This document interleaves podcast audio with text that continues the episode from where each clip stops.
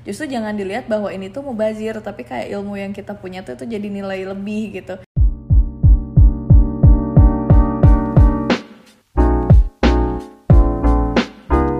Hai, ketemu lagi di Kubis, Kupas Habis bersama gue Hana.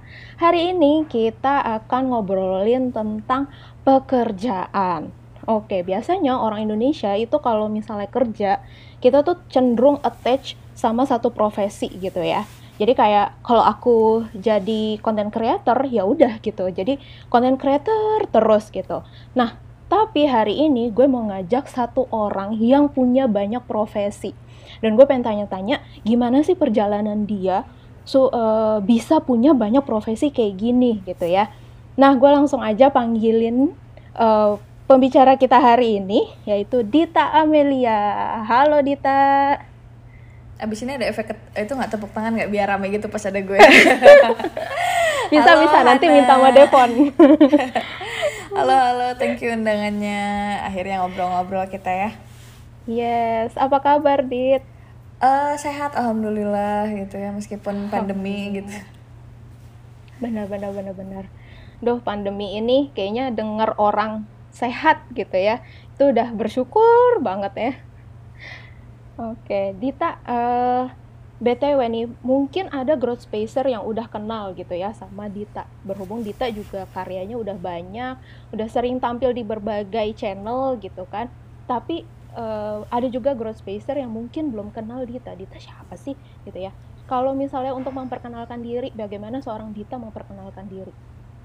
Uh, kalau dari gue sih, gue as simply as bilang gue adalah seorang penulis, ilustrator, dan juga podcaster. Jadi kayak tiga profesi itu tuh yang paling melekat gitu loh. Gue hampir setiap hari share gambar, gue juga share tulisan-tulisan gue sama gue juga nge-share podcast gue. Jadi itu sih. Kalau dibilang konten kreator tuh kayaknya terlalu luas deh karena kan banyak banget tuh kalau konten kreator jadi kalau disebut konten kreator tuh kayaknya enggak sih. Jadi gue lebih ke si tiga itu tadi aja. Hmm Dita adalah seorang ilustrator writer penulis dan uh, seorang podcaster. Tuh banyak kan? Tiga loh dia tiga menjalani tiga profesi sekaligus gitu ya. Nah di ini tuh awalnya uh, lo tuh sebagai apa gitu? Apakah emang sebagai penulis awalnya sebagai ilustrator atau sebagai podcaster? Jadi awalnya banget itu gue adalah seorang desainer grafis gitu. Jadi gue kan kebetulan kuliahnya di cafe juga gitu dari dulu tuh gue ngerasa kayak aduh kalau gambar-gambar doang kayaknya skill gue tuh nggak nggak nambah-nambah gitu waktu itu. Karena hmm. dulu akses untuk belajar gambar tuh lumayan susah gitu nggak kayak sekarang tutorial banyak alat udah ada kayak gitu-gitu. Jadi gue nggak merasa bahwa menjadi seorang ilustrator tuh ternyata ada harapan hidup gitu. Jadi gue milih desainer grafis karena lumayan banyak gitu kan sih bidang pekerjaannya. Gue bisa di iklan bisa di uh, jurnalis dan lain-lain gitu. Tapi makin ke sini uh, ternyata gue lebih nggak passion sama si desainer grafis karena gue merasa uh, bentar-bentar tuh urusan gue tuh cuma sama klien gitu. Gue bikin desain ini demi klien gue senang untuk kepuasan klien gue gitu uh, mostly. Jadi gue merasa tidak cocok nih di bidang desain grafis itu. Akhirnya gue geser lah gue coba uh, ke bagian marketing gue jadi sosial media uh, strategis gitu. Ternyata gue nemu funnya gitu loh karena mungkin gue suka komunikasi sama orang gitu. Gue juga suka ngecek ngecek tren sekarang yang lagi apa sosmed sosmed yang lagi rame gitu.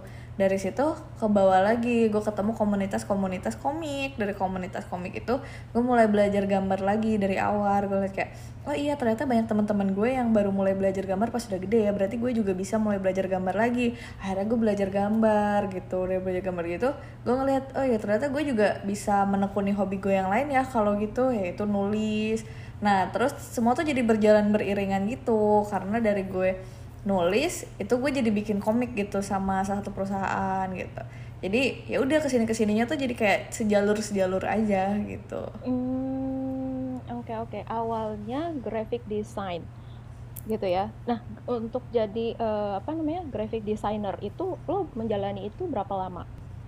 Hmm, berapa lama ya? Kayaknya waktu SMA itu gue sempat kayak magang-magang di apa ya kayak brand clothing gitu gitu. Terus waktu gue kuliah juga sambil gue kuliah gue sambil uh, kerja freelance gitu kan. Jadi junior graphic design gitu di agensi di Bandung. Jadi kayak udah lumayan ba lama banget sih dari gue kuliah tuh gue udah mulai jadi graphic designer junior. Cuma kayaknya gue nggak di sini deh passionnya. Bukan passion sih lebih ke kayaknya gue nggak cocok di sini karena apa-apa tuh kayak ada kotak-kotaknya gitu loh. Sedangkan gue tuh pengen yang ya udah terserah gue aja gitu. Pengen ada hal-hal yang gue masih bisa condong ke idealisme gitu.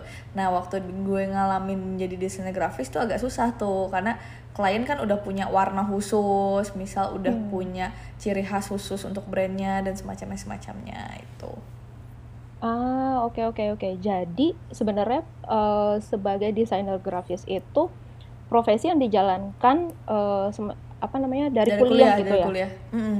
Oke. Nah pas lulus kuliah nggak jadi desainer grafis lagi, stop gitu. Jadi Enggak kena mental itu kan. oh. jadi kayak, aduh nggak capek gitu kan. Karena revisinya tuh yang kayak bisa jam 9 malam udah masih dikontak untuk ngerjain revisi dan itu revisinya tuh yang untuk rilis pagi-pagi. Jadi kan mau nggak mau dikerjain malam itu gitu kan. Jadi aduh nggak bisa istirahat gitu. Udah mah rumah jauh istilahnya sama kantor. Jadi harus tetap ada kerja ekstra gitu. Jadi waktu yang hmm. harusnya bisa buat latihan atau istirahat itu jadi nggak ada waktu itu karena ngerjain revisi dan lain-lain. Hmm oke okay, oke. Okay. waktu itu uh, waktu mau pindah oke okay deh aku nggak mau jadi uh, desainer grafis lagi kayak aku mau coba hmm. bidang baru. Itu tuh sempat ada perasaan kayak aduh sayang nggak ya uh, pengalaman gue ini gue udah, udah kerja misalnya uh, lumayan gitu kan selama kuliah itu uh, kerja juga gitu. Terus kayaknya kalau uh, harus nyoba yang baru lagi sayang sama pengalaman gitu. Jadi kayak padahal aku misalnya gajinya udah bisa lebih tinggi nih tapi karena aku nyoba lagi yang baru jadi mungkin aku start gajinya dari awal lagi gitu. Ada nggak sih rasa-rasa kayak gitu? Uh, kalau rasa-rasa kayak gitu enggak sih ya. Mungkin karena gaji desainer pas aku di Bandung tuh kecil jadi tidak terlalu menjadi patokan. Uh, jadi aku hmm. ngelihatnya tuh gini uh, misal kayak dulu tuh aku pas kuliah aku sempat kerja jadi customer service. Itu gaji aku kayak nggak sampai 2 juta kayak mungkin sekitar 1,8 1,7 gitu. Dan itu aja buat aku udah cukup gitu terus aku uh, upgrade ganti kantor gaji aku 2 juta ganti kantor lagi jadi dua setengah pada saat aku ganti profesi menjadi sosial media spesialis itu gajinya juga alhamdulillah naik gitu jadi ngelihatnya tuh kayak naik gaji tuh yang penting 20-30% dari sebelumnya gitu. Kalau hmm. masalah pengalamannya sayang apa enggak, justru enggak sih. Justru lebih kayak punya nilai jual lebih gitu loh istilahnya oh ternyata dia bisa desain ya mungkin dia bisa ngelihat tren-tren yang berhubungan sama desain gimana gitu sebagai seorang sosial media spesialis justru jangan dilihat bahwa ini tuh mubazir tapi kayak ilmu yang kita punya tuh itu jadi nilai lebih gitu.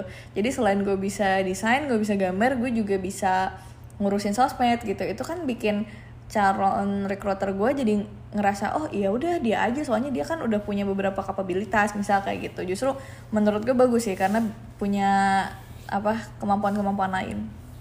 Hmm, oke okay, oke. Okay. Jadi instead of lo ngelihat ini sebagai kekurangan gitu ya, karena lo harus ganti profesi gitu, tapi malah melihat ini sebagai justru modal gitu ya, uh, betul, ilmu betul. yang gue dapat, justru ilmu yang gue dapat di kampus dan pengalaman kerja juga ini menjadi modal yang kuat untuk menjadi seorang social media strategist. Betul. Ah, oke okay, oke okay, oke. Okay. Nah, tapi waktu itu berarti gak gak minder dong ya pas ngelamar jadi social media strategist karena kan banyak nih uh, anak-anak fresh graduate yang kayak aduh aku bisa nggak ya kerja jadi uh, apa mendapatkan profesi yang uh, aku sendiri uh, latar belakangnya nggak nyambung gitu loh dengan pekerjaan yang aku mau gitu. Mm. Kalau aku sih enggak ya, soalnya kan kita juga sering lihat lulusan pertanian ujung-ujungnya kerja di bank gitu. Lulusan teknik, yeah. arsitek gitu kerjanya di bank gitu. Itu kan udah nggak nyambung banget gitu. Jadi menurut gue sih sebenarnya nggak apa-apa.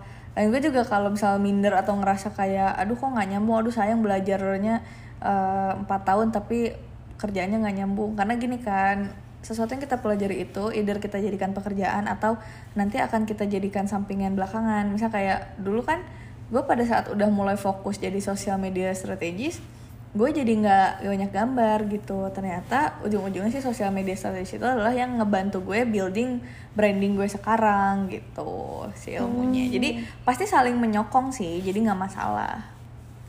Oke oke oke. Nah ini kan ibaratnya nih uh, lo udah punya background ilmu gitulah ya uh, dari desain desain ini kayak gue tahu nih bisa menganalisa sosmed dengan lebih baik gitu ya melalui uh, kacamata seorang desainer gitu kan.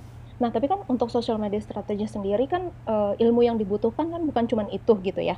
Ada lagi Betul. gitu. Nah, gimana caranya lo mengejar gap ilmu yang lo belum punya ini gitu loh untuk menjalankan uh, peran lo sebagai social media strategis dengan lebih baik. Oke, okay, pertama uh, gue masih punya keinginan untuk belajar lebih kan. Jadi kayak gue tuh bisa nanya ke beberapa teman gue yang punya profesi sama gitu. Misal ada yang sosial media strategi senior dan semacamnya. Itu gue tanya kalau untuk permasalahan ini gue harus cari solusinya di mana? Gitu. Kalau untuk masalah ini kira-kira penyelesaian seperti apa? Gue minta gambaran-gambaran kayak gitu. Dan juga uh, kan di kantor tuh ada atasan ya. Nah si atasan itu hmm. akan jadi mentor gitu. Jadi dulu tuh kan akhirnya setelah dari sosial media strategis gue ganti kantor gue jadi uh, community manager kan itu lebih nggak nyambung lagi gitu. Kapan gue ngurusin community gitu? Apalagi labelnya manager kan terus kayak apa yang harus gue lakukan? Dan gue adalah community manager pertama di perusahaan itu kan. Jadi kayak hmm. aduh gue harus ke mana harus ngapain? gitu. Tapi kan gue punya tim gitu dan di kantor tuh nggak sendirian. Jadi kayak atasan gue tuh ngajarin nah PR lo tuh gini gini gini gini gitu. Gue cuma kasih tahu dasarnya ntar sisanya lo harus explore sendiri. Itu tuh gue kayak googling googling lagi gitu. Ini jadi community manager tuh kayak gimana? Gue cari-cari di LinkedIn siapa aja community manager terus gue cek cek kerjanya oh ternyata kayak gini gitu.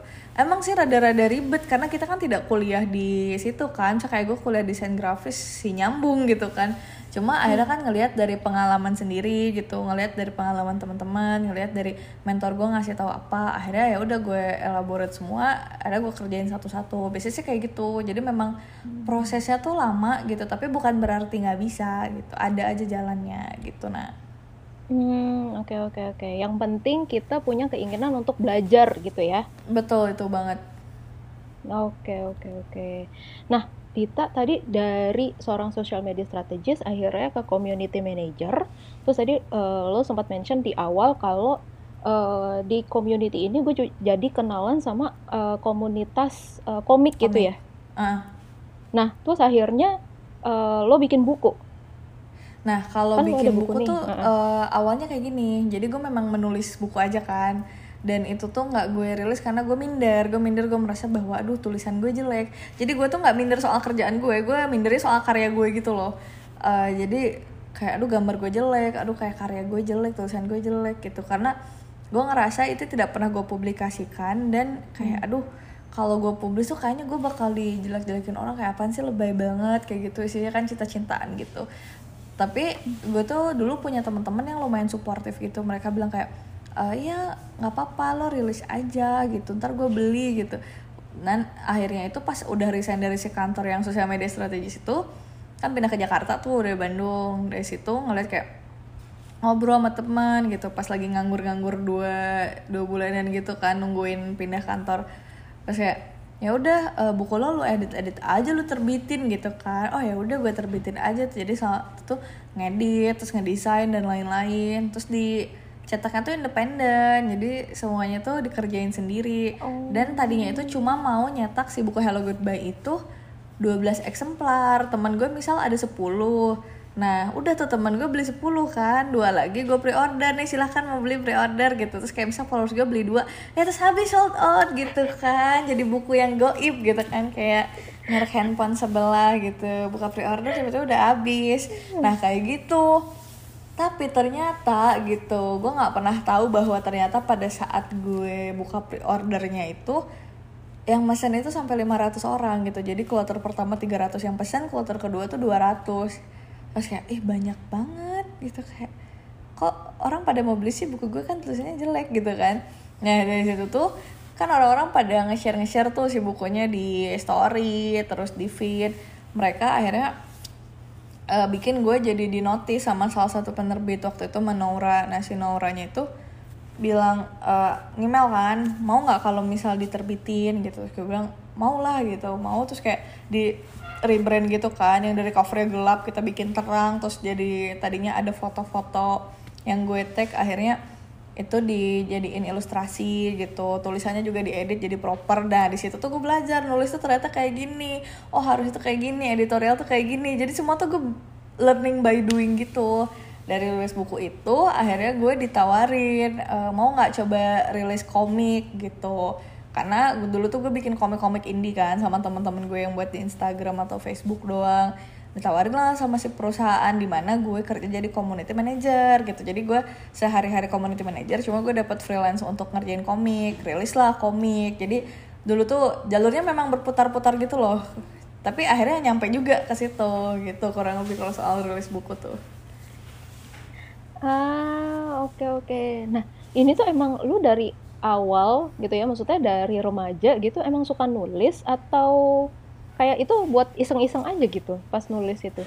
Hmm, kalau disebut iseng sih mungkin lebih ke jadi waktu gue kecil tuh gue nggak bisa komunikasi verbal seperti ini karena nyokap gue tuh kan hmm. kayak agak-agak apa ya keras gitu kan. Jadi kalau gue menyampaikan pendapat gitu dimarahin gitu kayak kesannya tuh ngelawan gitu kan. Akhirnya gue tidak terbiasa ngomong pendapat gue seperti apa perasaan gue seperti apa gitu. Yang gue lakukan adalah gue nulis diary. Nulis diary tuh mm. kayak hari ini sedih kayak gini hari ini sedih kayak gitu terus kayak gue bikin puisi-puisian gitu di bagian belakang buku misalnya kayak gue habis uh, berantem sama kakak gue gitu terus kayak kenapa dunianya tidak adil gitu kan Nah dari perasaan-perasaan yang tidak bisa gue ungkapkan secara verbal, gue ganti medianya jadi tulisan gitu. Karena gue juga ngerasa saat gue baca buku kok gue bisa ke mana-mana ya gitu. Mungkin gue juga bisa ke suatu tempat saat gue menulis buku gitu awalnya. Hmm, oke oke oke. Gue jadi kepikiran nih. Gue kan dulu juga suka nulis diary ya. Kenapa hmm. gue tidak pernah terpikir untuk itu ya menerbitkan cerita-cerita gue di diary. iya, nggak apa-apa. Gue juga tulisan-tulisan gue tuh isinya tuh kayak curhat-curhat gitu loh. Tau-tau ini mantan gue yang mana, ini gebetan gue yang nggak jadi jadian yang mana gitu. Ini yang gue di ghosting siapa gitu. Jadi semua tuh berangkat dari pengalaman-pengalaman sendiri juga gitu. Jadi curhat-curhatnya tuh patah hati jadi royalti lah istilahnya. Oke oke oke. Tapi sempet ada ngerasa ini nggak sih kayak risih gitu. Aduh, berarti kan ini uh, ngebuka uh, diri gue dong. Kalau misalnya buku ini hmm. gue cetak gitu. Sempet ada ngerasa gitu nggak sih? Uh, enggak, karena itu kan sebenarnya bukan biografi. Jadi itu lebih hmm. ke gue menulis fiksi, cuma inspirasinya memang dari apa yang terjadi di hidup gue gitu apa yang gue alamin, apa yang gue lihat, apa yang di sekitar gue kayak gitu.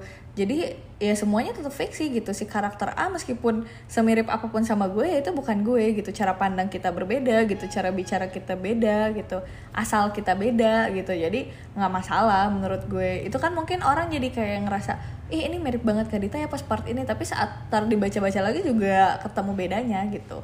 Nggak masalah sih menurut gue.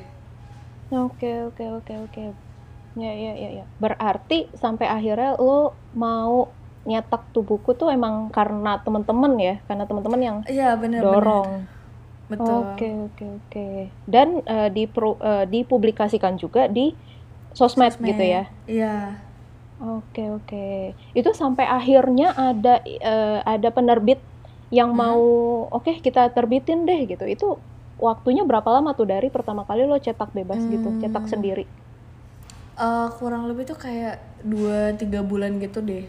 Soalnya oh, waktu itu juga. kan gue rilis sekitar bulan Juli gitu. Pre-order pertamanya Juli. Gue kirim-kirim itu di bulan Agustus September misal. Terus abis itu di bulan Oktober gue dikontak di email e, Dita mau nggak diterbitin gitu. Karena itu kan memang pas bukunya baru pada sampai dan orang-orang nge-share gitu. Jadi kayak kelihatan gitu bahwa oh karyanya ada gitu. Dari situ gue mikir sebenarnya penerbit itu uh, tidak mencari buku yang bagus-bagus banget. Pertama adalah hmm. kalau bisa bukunya laku yang kedua adalah buku yang selesai. Kadang kan orang suka ngerasa bahwa uh, idenya tuh bagus banget gitu. Tapi kan si idenya tuh tidak menjadi sesuatu. Jadi idenya tidak jadi mahal lagi gitu. Karena kan tidak hmm. tidak berbentuk sesuatu tidak menjadi apa-apa gitu. Misal kayak uh, Elon Musk gitu bikin roket tapi dia cuma ngablu aja kayak bilang iya gue ada ide nih gue mau bikin roket gini gini gini. Terus kayak mana roket lo gitu. Jadi kayak orgil aja nanti gitu. Iya, iya, jadi iya, iya. lebih baik karyanya selesai. Kalau masalah jelek tuh bisa diperbaiki. Soalnya gue juga dulu tuh pada saat gue rilis si buku yang pertama dan si buku versi revisinya tuh jauh banget gitu si tulisannya tuh. Apalagi dibandingin sama buku-buku dan tulisan gue sekarang tuh lebih jauh lagi. Kayak ih lu gue jelek banget gitu kan. Terus sampai gue tuh nggak mau baca lagi tuh buku-buku gue yang awal karena ih jelek banget cringe gitu Oke oke. Iya iya iya iya. karena ini juga sih yang sering uh, apa namanya untuk penulis-penulis fiksi gitu ya yang sering gue denger tuh emang masalahnya lebih ke situ sih. Jadi kayak aduh nih nggak pede gitu ya nggak pede uh, ngirim tulisannya ke apa namanya ke, ke penerbit gitu ya. Atau bahkan nggak pede. Tadi untuk uh, ke teman aja kadang kita nunjukin ke teman aja kita nggak pede gitu ya. Nah ternyata di situ ya kuncinya. Ya udah yang penting kalau emang kita mau jadi penulis ya selesaiin aja gitu bukunya. Karena ya toh kalau nggak selesai gitu mau sebagus apa pun cerita yang ada di otak kita orang nggak akan pernah tahu gitu ya. Oke oke oke. Nah Dita Dita kan juga seorang writer nih. Apakah title mm. oh gue itu seorang penulis uh, itu tuh cuman sekedar oh ya uh, nerbitin buku hello goodbye gitu ya. Terus tadi kan bikin komik juga. Apa cuma mm. sekedar itu atau uh, ternyata nih lanjut lagi uh, ada profesi lain yang emang di mana lo freelance sebagai writer misalnya? Atau uh, ada ada ada, gue jadi script writer untuk podcast yang gue bikin bareng box to box. Jadi si buku Hello Goodbye tadi kalau orang lain kan uh, diadaptasi menjadi uh, film gitu kan. Nah gue tuh sejujurnya tidak terlalu minat dengan film gitu. Karena uh, gue mikirnya kayak apa ya high budget banget gitu loh. Terus kayak gue takut pada saat tulisan gue di perankan seseorang feelsnya tuh jadi beda gitu kan kalau hmm. kita tuh ngebaca sesuatu kita punya imajinasi sendiri kan nah ya, gue ya, tuh ya. pengen tulisan gue ya emang milik semua orang juga gitu akhirnya gue adaptasinya menjadi uh, podcast audio drama gitu kayak radio play Nah jadi itu tuh kan kita cuma dengar suaranya aja tapi kita nggak lihat mukanya gitu. Jadi kita nggak tahu bahwa sebenarnya si karakter ini tuh mukanya gimana. Balik lagi ke si imajinasi kita kan. Jadi gue tidak membatasi imajinasi lewat visual gitu. Itu gue jadi script writernya. Jadi si buku pertama itu jadi season 1 dan uh, season 2-nya juga akhirnya gue bikin cerita-cerita baru, season 3 juga sama, nanti akan cerita-cerita baru lagi. Jadi keterusan aja itu gue script writing di situ. Nah, terus juga selain itu gue juga ngerjain untuk uh, noise. Jadi konsepnya sama sama si Hello Goodbye, cuma bedanya itu uh, dia rilis eksklusif di noise. Jadi cuma di, bisa dengerin di noise judulnya On This Day. Gitu. Hmm, oke oke oke. Eh, ini menarik nih. Lo kan kerjasama sama Box to Box, which is box to box itu adalah uh, apa namanya kita bisa media bilang network. podcaster ya media network terbesar lah untuk podcast gitu ya hmm, itu betul. gimana perjalanannya sampai akhirnya lu bisa kerjasama gitu dengan box to box nah kebetulan memang ada temen gue yang sudah ada di sana dia bikin podcast kan uh, namanya Toko Box tuh suatu hari si tim box to box itu nyari podcaster cewek gitu. Nah terus gue sama temen gue hmm. berlima gitu. Semacam audisi gitu. Akhirnya gue di kick dari si podcast yang itu gara-gara uh, mereka berempat itu member JKT48 gue bukan gitu. Jadi kayak nggak apa-apa biar mereka berempat aja biar brandingnya gampang gitu. Gitu kan. Okay. terus akhirnya gue bilang kan karena gue bikin buku dan semacamnya dan mereka lagi memang mencari podcast narasi ya udah akhirnya dibikin lah si Hello Goodbye. Jadi gue uh, misah sama si teman-teman gue itu dan gue bikin podcast sendiri kayak gitu Hmm, oke oke oke. Nah, terus sama noise itu apakah ada faktor karena lo sudah sama box to box terus iya, akhirnya Iya, betul di... betul. Jadi memang ah, ini kerjasama okay. antara box to box sama noise kan. Karena kan gue di bawah naungan box to box nih si podcastnya. Hmm. Jadi begitu gue uh, ada apa sama box to box, box to box kan nawarin ke gue, mau nggak lu coba bikin di noise? Tapi ini konsepnya gini-gini gini. Oh ya udah nggak apa-apa, ayo gitu kita kerjain kayak gitu. Hmm Oh, oke okay, oke okay, oke. Okay. Dan itu sudah berlangsung berapa lama tuh, Dit? Semenjak awal sampai sekarang lu bikin podcast sama Box to Box um, dan Noise. Kalau sama Box to Box itu harusnya gue mulai dari 2020 awal gitu. Jadi rilis pertama si Hello Goodbye kan sekitar Februari Maret. Terus udah hmm. setahun lebih, udah satu setengah tahun. Sedangkan sama Noise itu gue baru mulai dari akhir Agustus kemarin. Itu memang kontraknya untuk 12 episode, jadi tiga bulan ini gitu Oke oke oke oke.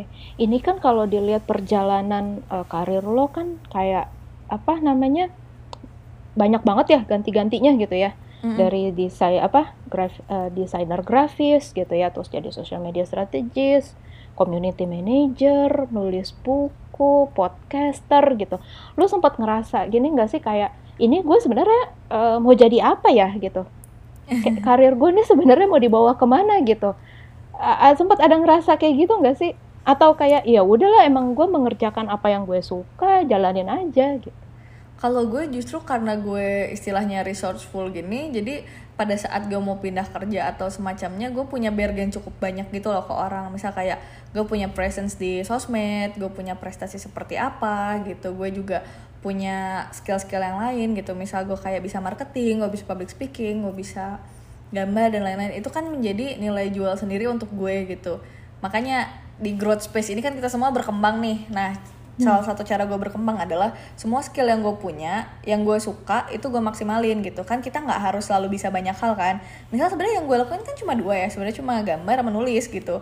Tapi ditambah satu lagi marketing gitu. Nah itu ketiganya itu tuh gue bikin uh, beriringan gitu kan. Jadi pada saat beriringan semuanya tuh jadi kelihatan nyatu gitu. Oh ternyata uh, dia sosmednya bisa tinggi karena dia karyanya seperti ini. Oh ternyata karyanya seperti ini karena sosmednya dia tinggi. Jadi kayak ada putaran-putaran di situ gitu loh. Tapi kan itu juga tetap di entitas yang sama gitu. Nggak yang tiba-tiba ah dia mah uh, gara-gara cakep doang makanya yang follow banyak padahal sebenarnya orang juga follow bukan gara-gara tampang gue gitu gara-gara ya emang lihat gambarnya lihat tulisannya gitu ada yang mungkin lebih suka pada saat gue sharing sesuatu soal gambar gitu Hmm, oke okay, oke okay, oke. Okay. Justru lo melihat ini sebagai kelebihan-kelebihan lo yang di mana kayak ya gue bisa memaksimalkan semua gitu ya. Justru memang lo ingin berkembang di mana lo bisa mengembangkan semua keahlian yang lo punya gitu ya. Oke oke oke. Ini menarik banget sih, Dit, karena kalau ngomongin pekerjaan itu ya eh, itu banyak banget orang yang selalu uh, berdebat gitu atau ngobrol diskusi lah tentang uh, being generalist versus being specialist gitu kan dan gak sedikit orang yang selalu kayak ngerasa aduh uh, masa gue kerja A terus nanti pindah kerja B apa nggak sayang apa segala macem gitu ya. Jadi itu memang lebih ke kita tuh kayaknya kalau udah kerja ya udah maunya jadi spesialis gitu. Kebanyakan hmm. gue lihat seperti itu gitu. Tapi apa nih pandangan lo tentang being generalist versus being specialist? Kalau menurut gue sebenarnya gue tuh ini cukup general ya kayak uh, gambar gue juga basic-basic aja tulisan gue juga basic-basic aja gitu. Cuma seberapa sering lo menunjukkan itu gitu loh kadang kan meskipun itu sesuatu hmm. yang general gitu misalnya kayak lo bisa nulis tapi lo menunjukkan itu setiap hari kan setiap orang melihat tuh jadi fokusnya tuh ke lu gitu loh kayak oh kalau gue cari tulisan gue ke Hana aja ah gitu. Oh kalau gue cari gambar ke Dita aja karena orang sering melihat itu. Jadi dari sesuatu yang general lo tuh bisa menjadi spesialis juga tergantung kayak lo seberapa sering menunjukkan itu gitu. Orang nggak akan tahu kalau gue gambar tanpa gue nunjukin gue bisa gambar gitu. Orang nggak tahu gue bisa nyanyi tanpa gue nunjukin kalau gue bisa nyanyi misalnya kayak gitu hmm oke oke oke. Jadi sebenarnya adalah ya mau jadi generalis atau spesialis ketika lu mendalami bidang itu lu konsisten menunjukkan hmm, itu gitu betul, gitu ya. betul. Oke oke oke. Jadi ibaratnya nih ter lo akan jadi top of mind dari orang-orang yang melihat lo gitu ya. itu. Oke oke oke. Wah ini menarik banget sih ya Uh, jadi yang namanya berkembang itu bukan cuman terpaku sama satu profesi atau terpaku sama satu skill, tapi sebenarnya ya kalau emang kita punya tiga skill dan kita tahu itu dan kita mau mengembangkan itu ya justru memang kembangkan aja gitu ya. Mm. maksimalin aja gitu. Betul betul. Oke okay. Dit terakhir dong. Boleh. Oke okay, kita tadi udah ngobrol panjang lebar gitu ya. Gue pengen minta pesan terakhir lo buat uh, temen-temen yang lagi bingung dalam memilih karir gitu. Jadi sebenarnya sebaiknya nih gue harusnya kayak gimana sih? Uh, apa namanya? Apakah gue ya udahlah go with the flow aja. Dapat kerjanya apa? Nanti misalnya dapat kerjaan lain lagi ya kalau memang bisa gue kerjain ambil aja. Hmm. atau apa nih? Lo punya pesan-pesan tersendiri nggak buat kalau... road spacer yang lagi bingung okay. tentang kerjaannya kalau dari gue sih lebih ke pertama lo tahu dulu apa yang lo suka gitu. Terus lo juga jangan lupa lihat realita gitu. Misal gue tuh lu pernah kerja jadi CS gitu. Nggak ada hubungannya sama gambar sama apa pun gitu. Itu karena gue simply butuh duit aja. Tapi ternyata itu ngebantu gue pada saat gue jadi community manager. Karena gue terbiasa ngehandle orang banyak yang macem-macem gitu kan terus jadi kayak ada kesempatan apa lo ambil dulu aja gitu. Kalau misal lo merasa belum sanggup ya lo juga nggak harus maksain kok. Tapi kalau lo merasa gue mau belajar dulu ya udah lu ambil. Karena kalau lu belajar itu pasti ada waktunya gitu. Pasti ada yang mau ngajarin gitu. Bisa kayak satu teman nggak mau ngajarin mungkin teman selanjutnya mungkin teman selanjutnya. Atau kayak lu bisa cari sendiri. Apalagi sekarang resource-nya banyak banget gitu. Jadi jangan takut buat nyoba gitu jangan takut gagal karena semua orang tuh yang profesional tuh awalnya amatir dulu gitu Hmm, itu kuncinya sih. Jangan pernah takut untuk jadi amatir. Karena emang kayak kita tuh kalau untuk mulai sesuatu suka insecure, bilangnya takut jelek.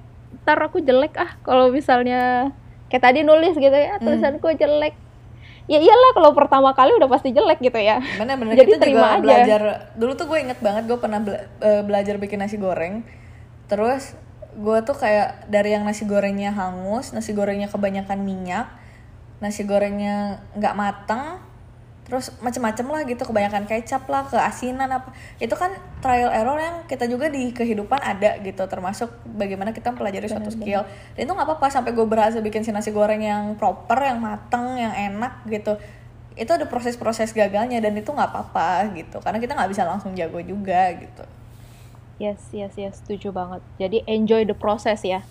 betul. Mulai terus nikmatin prosesnya nanti lo akan jadi orang yang profesional gitu ya orang yang Mm-mm. eh, jadi apa ya ibaratnya cakep lah karya lo di situ gitu ya. Benar. Nah oke oke oke. Aduh thank you banget nih dit untuk obrolan Siap. kita hari ini. Makasih banget udah ngeluangin waktunya. Ini bener-bener dapet apa ya gue dapet insight yang bagus banget gitu ya tentang tadi ya ngembangin diri itu ya lu jangan takut-takut lah untuk eh, coba apa namanya ngembangin semua skill lo mencoba berbagai eh, profesi juga bahkan kalau memang ada kesempatan kenapa enggak gitu ya. Dan mulai jangan takut mulai.